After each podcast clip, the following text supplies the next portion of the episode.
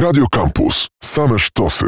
Róża Wiatrów. Audycja o stosunkach międzynarodowych. Przy mikrofonie Marcin Łuniewski, a moim i waszym gościem w Radio Campus jest e, doktor habilitowany Michał Lubina, ekspert do spraw Mianmy oraz relacji chińsko-rosyjskich z Instytutu Bliskiego i Dalekiego Wschodu Uniwersytetu Jagiellońskiego. Dzień dobry Michale. Dzień dobry Marcinie. 4 lutego Władimir Putin przyleciał do Pekinu na ceremonię otwarcia Igrzysk Olimpijskich. Z tym jest związany skandal. Media obiegło jego zdjęcie, gdzie wygląda jakby drzemał w trakcie prezentacji sportowców z Ukrainy. No nie wiemy, czy spał, czy zrobił to ostentacyjnie, żeby obrazić Ukraińców, ale już w pełni świadomie wspólnie z e, przywódcą Chin Xi Jinpingem wydał oświadczenie dotyczące głównie spraw bezpieczeństwa. Znalazło się w nim i to tak zelektryzowało media na całym świecie. No otwarte poparcie Pekinu dla Moskwy, jeśli chodzi o jej sprzeciw wobec wobec rozszerzenia e, NATO. No, ono jest antyamerykańskie w swoim wydźwięku. Chiny razem z Rosją twierdzą, że stają przeciwko kolorowym rewolucjom, jak Rosja najczęściej nazywa wszystkie prodemokratyczne zmiany w swoim otoczeniu.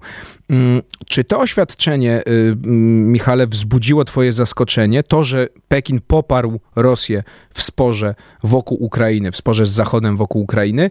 Czy to jest po prostu konsekwencja różnych kroków, które od lat gdzieś tam zacieśniania relacji, o których za chwilkę powiemy, między tymi oboma państwami? W ogóle mnie to nie zaskoczyło. Jeżeli coś mnie zaskoczyło, to to, że to oświadczenie taki rozgłos zdobyło na świecie, dlatego że to pokazuje, że to jednak działa ta propaganda, dlatego że tego typu oświadczenia Rosja i Chiny publikują od lat 90., tak konkretnie od 92 roku. Oczywiście niektóre były bardziej bombastyczne, niektóre mniej. Na przykład w 96 roku było takie bombastyczne deklaracja czy oświadczenie, w 2000 było takie bombastyczne, w 2014. No i y, fascynuje mnie, że kolejny raz to, to, to, samo zagranie stosują i to działa. Także to, to jest jak jakiś dobry dribbling w piłce nożnej, jak prosta kiwka, która, która jednak działa, to znaczy daje się nią, daje się nią ograć przeciwnika, więc to, to, to jest pierwsze zaskoczenie. No i od razu mi się taki cytat do głowy przychodzi André Gida, czyli wszystko już zostało powiedziane, ale skoro nikt nie słuchał, to można mówić od nowa. No i, no i w takim razie trzeba powiedzieć, że, no, że Rosja i Chiny no właśnie co najmniej od połowy lat 90. mają taki model, model, w którym właśnie poprzez tego typu oświadczenia wzajemnie się wspierają wobec Zachodu. To znaczy oni starają się przedstawić jakby swoje relacje lepsze niż one rzeczywiście są. One są dobre, żeby była jasność, o tym może za chwilę. To za natomiast, chwilkę powiemy, tak jest. Tak, natomiast y, przedstawiają coś, co jest dobre, czy nawet jako bar bardzo dobre, jako coś, co jest nieprawdopodobnie wspaniałe, w ogóle idealne i tak dalej. No i dzięki temu, że podkreślają tak bardzo mocno tą swoją, e, ten swój związek, no to dzięki temu ich pozycja wobec Zachodu rośnie, czyli zarówno Moskwy, jak i, jak i Pekinu. I to jest bardzo proste i czytelne, dlatego że jeżeli Moskwa popiera Chiny w kwestii Tajwanu, to to nic nie kosztuje Rosjan, żeby powiedzieć, że są za polityką jednych Chin, a dla Chin jest to ważne zwycięstwo dyplomatyczne. I odwrotnie, Chiny również nic nie kosztuje powiedzenie, że sprzeciwiają się rozszerzeniu NATO, bo słowa są mało, mało kosztowne w polityce, a, a dla Rosji jest to ważne. Więc, więc tego typu zagrywka jest, jest no, stara, no może nie jak świat, ale co najmniej jak mająca już 30 lat, więc, więc to mnie dziwi, że, że to działa. Natomiast jak się wczytamy w te, w te oświadczenie, no to z, z, zaczyna się robić ciekawiej, dlatego że wcale nie jest już tak jednoznaczne te poparcie dla Chin, dla, dla Rosji, a, albo inaczej, mm, jest to bardziej zniuansowane, dlatego że Chiny owszem sprzeciwiają się rozszerzeniu NATO, natomiast ani razu w deklaracji nie pada słowo Ukraina, to po pierwsze, e, a po drugie e, Chiny no, nie do końca tak całkiem popierają Rosję, bo inaczej, popierają ją rzeczywiście w tym, żeby nie rozszerzać NATO na wschód, bo tak jak już wcześniej powiedziałem, to ich nic niewiele, niewiele ich to kosztuje, natomiast wcale nie są takie chętne do wojny. No, nieprzypadkowo przed olimpiadą wyszły tutaj przecieki, że Xi prosił Putina, żeby, żeby ten nie zaczynał wojny w trakcie olimpiady, bo pamiętał bardzo bardzo dobrze, że w 2008 roku tak się właśnie stało. Już mniejsza z tym, kto był bardziej winny, Saakaszwili czy Putin, ale w 2008 roku wybuchła wojna w Osetii e, Południowej i to było w momencie rozpoczęcia igrzysk poprzednich w Pekinie, więc, więc Chiny to bardzo dobrze pamiętają i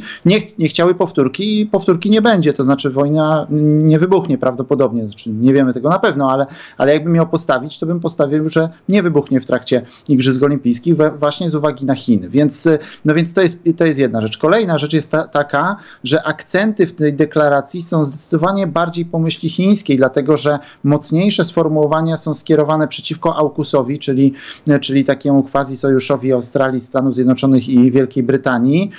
Przeciwko jakby idei Indo-Pacyfiku, czyli no, bardzo szeroko rozumując to takiemu antychińskiemu formującemu się sojuszowi, na razie nieformalnemu różnych państw Azji Pacyfik, tam jest Australia, tam jest Japonia, tam są Indie, aczkolwiek tak trochę półgębkiem, no i oczywiście Stany Zjednoczone. No więc w tej deklaracji wyraźnie widać, że to bardziej Rosja się podpisała pod chińskim jakby spojrzeniem na świat, a w zamian Chiny się zgodziły na te, na te na nierozszerzanie NATO. Natomiast no, widać tutaj tą asymetrię w, w relacjach rosyjsko-chińskich. Ja ją nazywam e, taką asymetrią win-win, tak, parafrazując słynne powiedzenie chińskiej dyplomacji, shuaning, czyli win-win, że jakby dyplomacja jest wzajemne korzyści, tak? Natomiast no, te korzyści są tak dość asymetryczne, to znaczy Chiny... Czy to wspólne oświadczenie, Michale, jest dowodem na to, przechodząc do relacji chińsko-rosyjskich, że one się coraz bardziej zacieśniają, bo mm, no, wiele ekspertów, i nie jest to pewnie nic odkrywczego, wskazuje na to, że im bardziej Kreml konfliktuje się z Zachodem, tym bardziej spogląda w stronę państwa środka i politycznie, i gospodarcznie, i militarnie.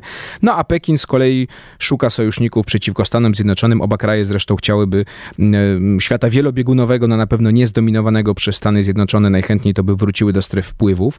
Mm, no właśnie, więc jakie te relacje są? Czy one są mocniejsze i dowodem jest to oświadczenie, czy one jednak są na takim poziomie dobrym, ale jednak podszytym, podszytym takim brakiem zaufania trochę z obu stron, czy czujnością z obu stron? Oj, to jest e, bardzo dobre pytanie i nie wiem, ile, ma, ile mam czasu na to, żeby 3,5 minuty do, Dobra, dokładnie, no, jeszcze drugie W telegraficznym skrócie. Relacje rosyjsko-chińskie są przede wszystkim wieloaspektowe, to znaczy ten element antyzachodni w nich jest, bez wątpienia, i to spojrzenie na świat o którym wspomniałeś, z pewną niechęcią wobec tego obecnego porządku międzynarodowego jest tam ważne. Natomiast jakby Stanów Zjednoczonych nie było i nie było obecnego porządku międzynarodowego, to i tak Rosja i Chiny by musiały ze sobą współpracować, bo są ogromnymi sąsiadami dla siebie i mają wystarczająco dużo wspólnych elementów, czy w ogóle e, punktów stycznych, a potencjalnie problemów, że, że jakby te, to, te same bilateralne relacje są tutaj e, istotne, więc, więc, więc to jest wieloaspektowe. Co do stanu tych relacji, to ja bym powiedział, że one są bardzo dobre, a ta nieufność też tam wciąż jest. Natomiast ona została tak trochę głęboko schowana, szczególnie po rosyjskiej stronie. To jest jakby takie zawieszenie nieufności. To znaczy Rosja jakby zakłada, że, no, że nic jej teraz nie grozi ze strony chińskiej i słusznie zakłada, dlatego że, że Chiny, no, jakby podejście chińskie do świata jest takie, że, no, że najbliższe dekady to będzie trudna współpraca i rywalizacja ze Stanami Zjednoczonymi i żeby tą rywalizację prowadzić, to trzeba mieć e, od północy. No i Rosja to wie, no i w ogóle z, tej, z, z, z podobnego punktu widzenia mm, Rosja patrzy na Chiny, że dzięki temu, że ma spokój od wschodu, no to w, tym momencie może się skupiać na bliskiej zagranicy, na Europie i tak dalej. Więc, więc to jest jakby jedna, jedna rzecz. Co do tego stanu relacji, to w poprzednim wejściu wspomniałem o tym, że one są asymetryczne. I teraz dla europejskiego ucha, jak słyszy asymetryczne, to się od razu kojarzy coś dziwnego, niesprawiedliwego, może takiego nieuczciwego, a tak naprawdę to to asymetria wcale nie musi być niestabilna. Wręcz przeciwnie, może być dużo bardziej stabilna niż niż relacje symetryczne. No i e, co więcej, jakby asymetria jest naturalnym stanem rzeczy dla Chin, dlatego że z punktu widzenia chińskiego, tradycyjnego, to w ogóle żadne państwo nie jest im równe. To w ogóle jakiś absurd jest, żeby myśleć o tym, że jakiekolwiek państwo może się równać Chinom. No więc w tym momencie jakby ten tradycyjny model chiński jest asymetryczny, ale jakby w zamian za zaakceptowanie tego modelu, no to te, to państwo, które go akceptuje, te równie, to otrzymuje również korzyści i to nie małe.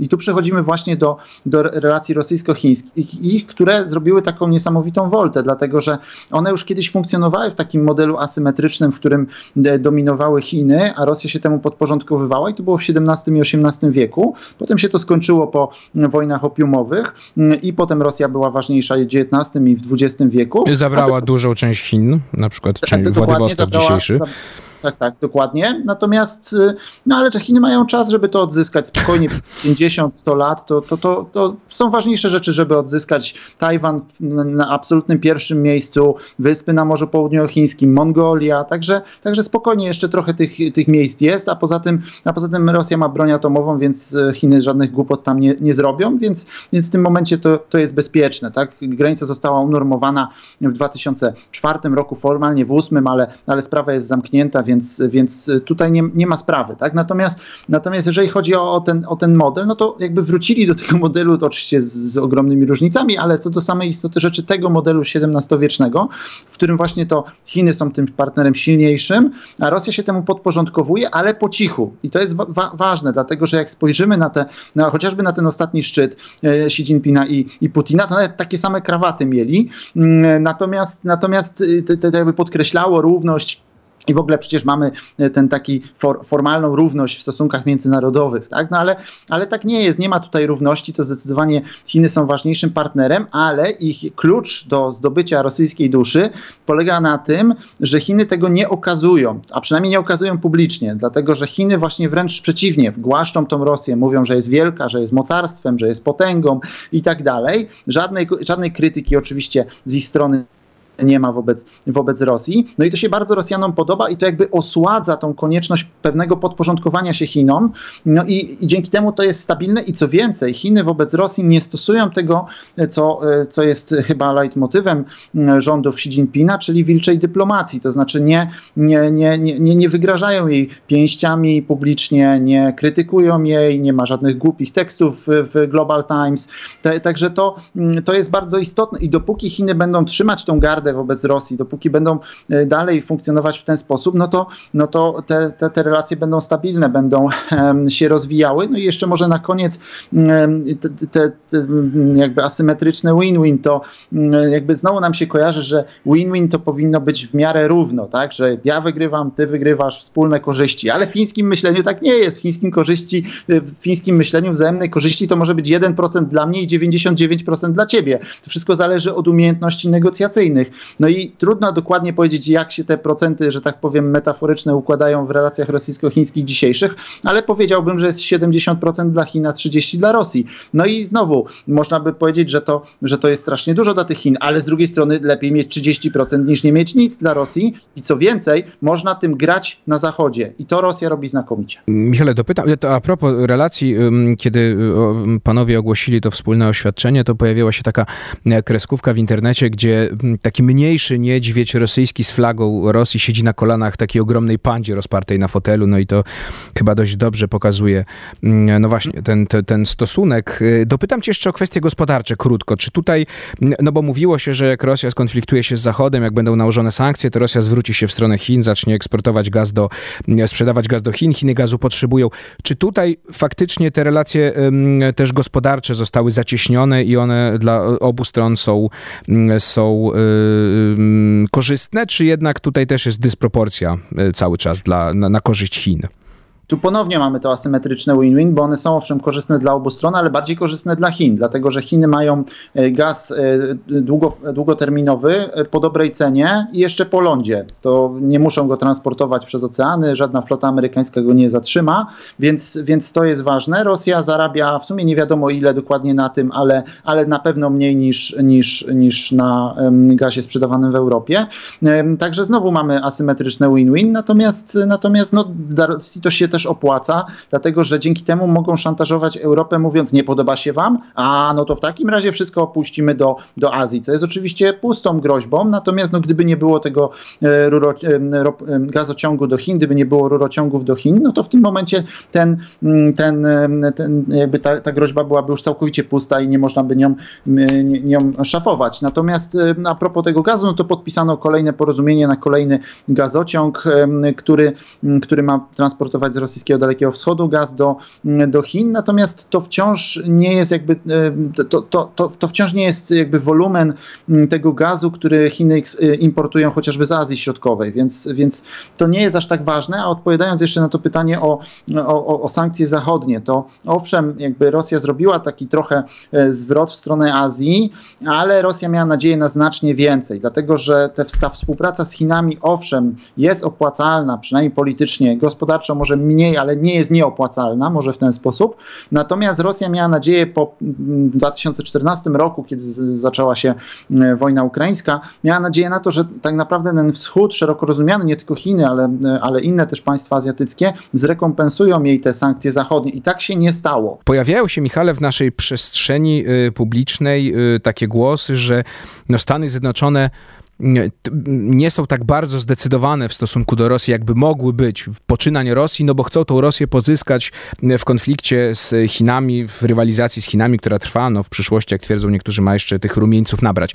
Czy jest w ogóle możliwe wbicie klina w jakiś sposób między Rosję rządzoną przez Władimira Putina, a Chiny Xi Jinpinga? Czy to są, mówiąc po prostu y, bardzo wprost, mrzonki jak na razie? Albo odwrócony Kissinger i ja to słyszę od 15 lat o tym, że tak będzie, no i jakoś się wciąż nie spełnia, więc, więc to, to jest jedna rzecz. To jest bardzo, to będzie bardzo trudne, dlatego że tym pytaniu już zawarłeś odpowiedź, tak? czyli w, w Rosji rządzonej przez Putina, dlatego że putinowska Rosja jest bardzo ciekawą krzyżówką no, y, wielkomocarstwowych interesów, interesów gospodarczych i, i tych takich czynników subiektywnych, pewnej psychozy, to znaczy i pewnego też pełnej traumy. No i e, w tym myśleniu elit rosyjskich to Zachód jest głównym wrogiem, to Zachód chce ich podminować, to Zachód się tu zbliża do Rosji, to Zachód chce tutaj rewolucje kolorowe robić. Tak a propos, to żeśmy o tym wspominali, rewolucje kolorowe się w, w oświadczeniach rosyjsko-chińskich pojawiają od 15 lat, więc, y, więc, więc tak na dobrą sprawę, a Chiny nie, a Chiny nie chcą sobie tutaj podkopać rządów Putina, więc, więc w tym momencie z perspektywy elity e, rosyjskiej, obecnej putinowskiej, no ma dużo sensu to, żeby, żeby się z, mm, z Chinami bratać Zachodowi opierać. Jeden to kiedyś nawet porównywał to do działania Aleksandra Newskiego, także tutaj jeszcze takie ciekawe historyczne elementy e, były wyciągane. W każdym razie e, no to bardzo trudne by było tutaj jakby ten, ten odwrócony Nixon i nie wydaje mi się, żeby, żeby to było w ogóle możliwe na stole. Natomiast ta, ta nadzieja oczywiście jest, jest, jest na Zachodzie w określonych środowiskach, ona się ciągle pojawia. Kolejne e, klęski jej nie falsyfikują, także można, można mówić wszystko w przestrzeni publicznej, to papier wszystko zniesie, tak, czy, czy klawiatura w tym momencie. Natomiast, y, natomiast jeszcze, jeszcze jedna rzecz. Y, jakby w takim globalnym planie powstrzymywania Chin, to nie Rosja jest najważniejsza, dlatego że dopóki ta rywalizacja z Chinami będzie przebiegała tak jak obecnie przebiega na niwie gospodarczej, technologicznej, no pokojowej, albo przynajmniej nie w, w, w wielkiej wojny kinetycznej, trzeciej wojny światowej, to Rosja jest nie bardzo potrzebna temu Zachodowi. To ona jest w tym momencie drugorzędna dlatego że ona jest słaba technologicznie, jeszcze słabsza gospodarczo. PKB tak jak Włochy sprawę, mniej więcej. No, do, dokładnie. A wielkość tak, to, wiemy jaka. No dokładnie, więc, więc w tym momencie to państwa kluczowe dla powstrzymywania Chin to są Indie, to jest Indonezja, to, czy szerzej państwa ASEANu, to jest Australia, tak? to, to są kluczowe państwa, również geograficznie. No więc w tym momencie, w tym momencie ta Rosja jest zbędna. Gdyby rzeczywiście doszło do III wojny światowej, a to wtedy tak, oczywiście mamy broń atomową, mamy drugą najliczniejszą armię na świecie, więc, więc tak, jak najbardziej. Natomiast dopóki to jest pokojowe, to, to ta Rosja jest po nic, ponieważ Rosja jest, jest, jest gospodarczo zbyt słaba, żeby cokolwiek znaczyć. Także nie wydaje mi się, żeby ten odwrócony Nixon tutaj e, był. Muszę był powiedzieć, że odwrócony Nixon brzmi jak, y, brzmi jak y, figura jakaś w zapasach na przykład, tak? Czy jak Nelson trochę. Tak, ale to jest, ten, to jest ten taki trochę bełkotliwy język stosunków międzynarodowych, tam pivoty, tak? Nie, ale, ale ładnie, odwrócony Nixon, ładne bardzo. E, Michale, to kończąc, e, czy ta deklaracja wspólna e, Xi Jinpinga i Władimira Putina to poparcie Chin w stosunku do mm, konfliktu wokół Ukrainy, chociaż no ta Ukraina faktycznie tam nie pada, no ale, ale, ale Rosja nie opiera, Chiny nie opierają się temu, co, co teraz żąda Rosja od NATO. Czy to się jakoś może bezpośrednio przełożyć na bezpieczeństwo tutaj w Europie, na sytuację wokół Ukrainy? Czy na przykład Rosja zachęcona chińskim wsparciem może być agresywniejsza, czy ona wie, że ma to chińskie wsparcie i ta deklaracja nic tak naprawdę e, tutaj nie, nie, nie zmieni? Nie, no to drugie, to dla mnie to jest podręcznikowe zagranie w relacjach rosyjsko-chińskich. No dokładnie tak samo było w 2014 roku, więc jeżeli ktoś się zastanawia nad bezpieczeństwem europejskim, no to wystarczy sobie odświeżyć to, co się działo w 2014 roku, e, kiedy doszło do wojny na Ukrainie. E, potem Putin pojechał do Szanghaju, podpisał porozumienie, tam e, właśnie siła Syberii, tam był gazociąg i też było bombastyczne oświadczenie wspólne. No i czy to zmieniło jakoś bardzo um, tutaj bezpieczeństwo europejskie? No w jakimś stopniu tak, natomiast no, czy dramatycznie? Nie powiedziałbym. Myślę, że, że to, jest, to jest po prostu powtórka tego, co było. To jest wciąż ten sam podręcznik rosyjsko-chiński, który oni bardzo skutecznie stosują. A jeszcze wracając i tak stawiając kropkę na D, to e, Chiny są przeciwko rozszerzeniu NATO, owszem, ale Chiny nie są też jakoś szczególnie e, życzliwe wobec wojny na Ukrainie. To są dwie różne rzeczy tak naprawdę. Chiny nie tyle popierają Rosję, co są życzliwie neutralne wobec niej. I to są takie bardzo akcenty bardzo subtelne, które są wyraźne w, w, w przypadku Chin. Dodajmy, że Chiny na przykład kupują zboże od Ukrainy. To jest jeden z tych... No, I broń. I broń. To jest tak? jeden z tych Rosji więzów, oczywiście tak. też więc, więc, więc ten, więc w tym momencie no, pociągi jeżdżą chińskie przez, przez, przez Ukrainę, także to, to, jest, to jest w tym momencie, no, nie, Chiny wcale nie, nie cieszyłyby się na wojnę, a już na pewno nie, nie, nie cieszyłyby się, gdyby to miało popsuć relacje Chin z, z, Europą Zachodnią, gdyby to miało jeszcze tą Europę Zachodnią bardziej w, w objęcie amerykańskie wepchnąć. Także, także Chiny w, tak półgębkiem tylko tą Rosję popierają. No i myślę, że to jest odczuwalne również na Kremlu. Także, także oczywiście publicznie te, ta deklaracja swoje zrobiła, PR-owsko zrobiła. Nie rozmawialibyśmy dzisiaj pewnie, gdyby nie ten PR tej de deklaracji. Natomiast sytuacja tam za zamkniętymi drzwiami jest bardziej zniuansowana. I tym zniuansowaniem kończymy. Doktor habilitowany Michał Lubin, ekspert do spraw Mianmy oraz relacji chińsko-rosyjskich z Instytutu Bliskiego i Dalekiego Wschodu Uniwersytetu Jagiellońskiego był moim i waszym gościem. Michale, bardzo dziękuję za rozmowę. Dziękuję również. To była Róża Wiatrów, ja się nazywam Marcin Uniewski, a my się słyszymy w środę za tydzień na antenie Radia Campus. Radio Campus. Same sztosy.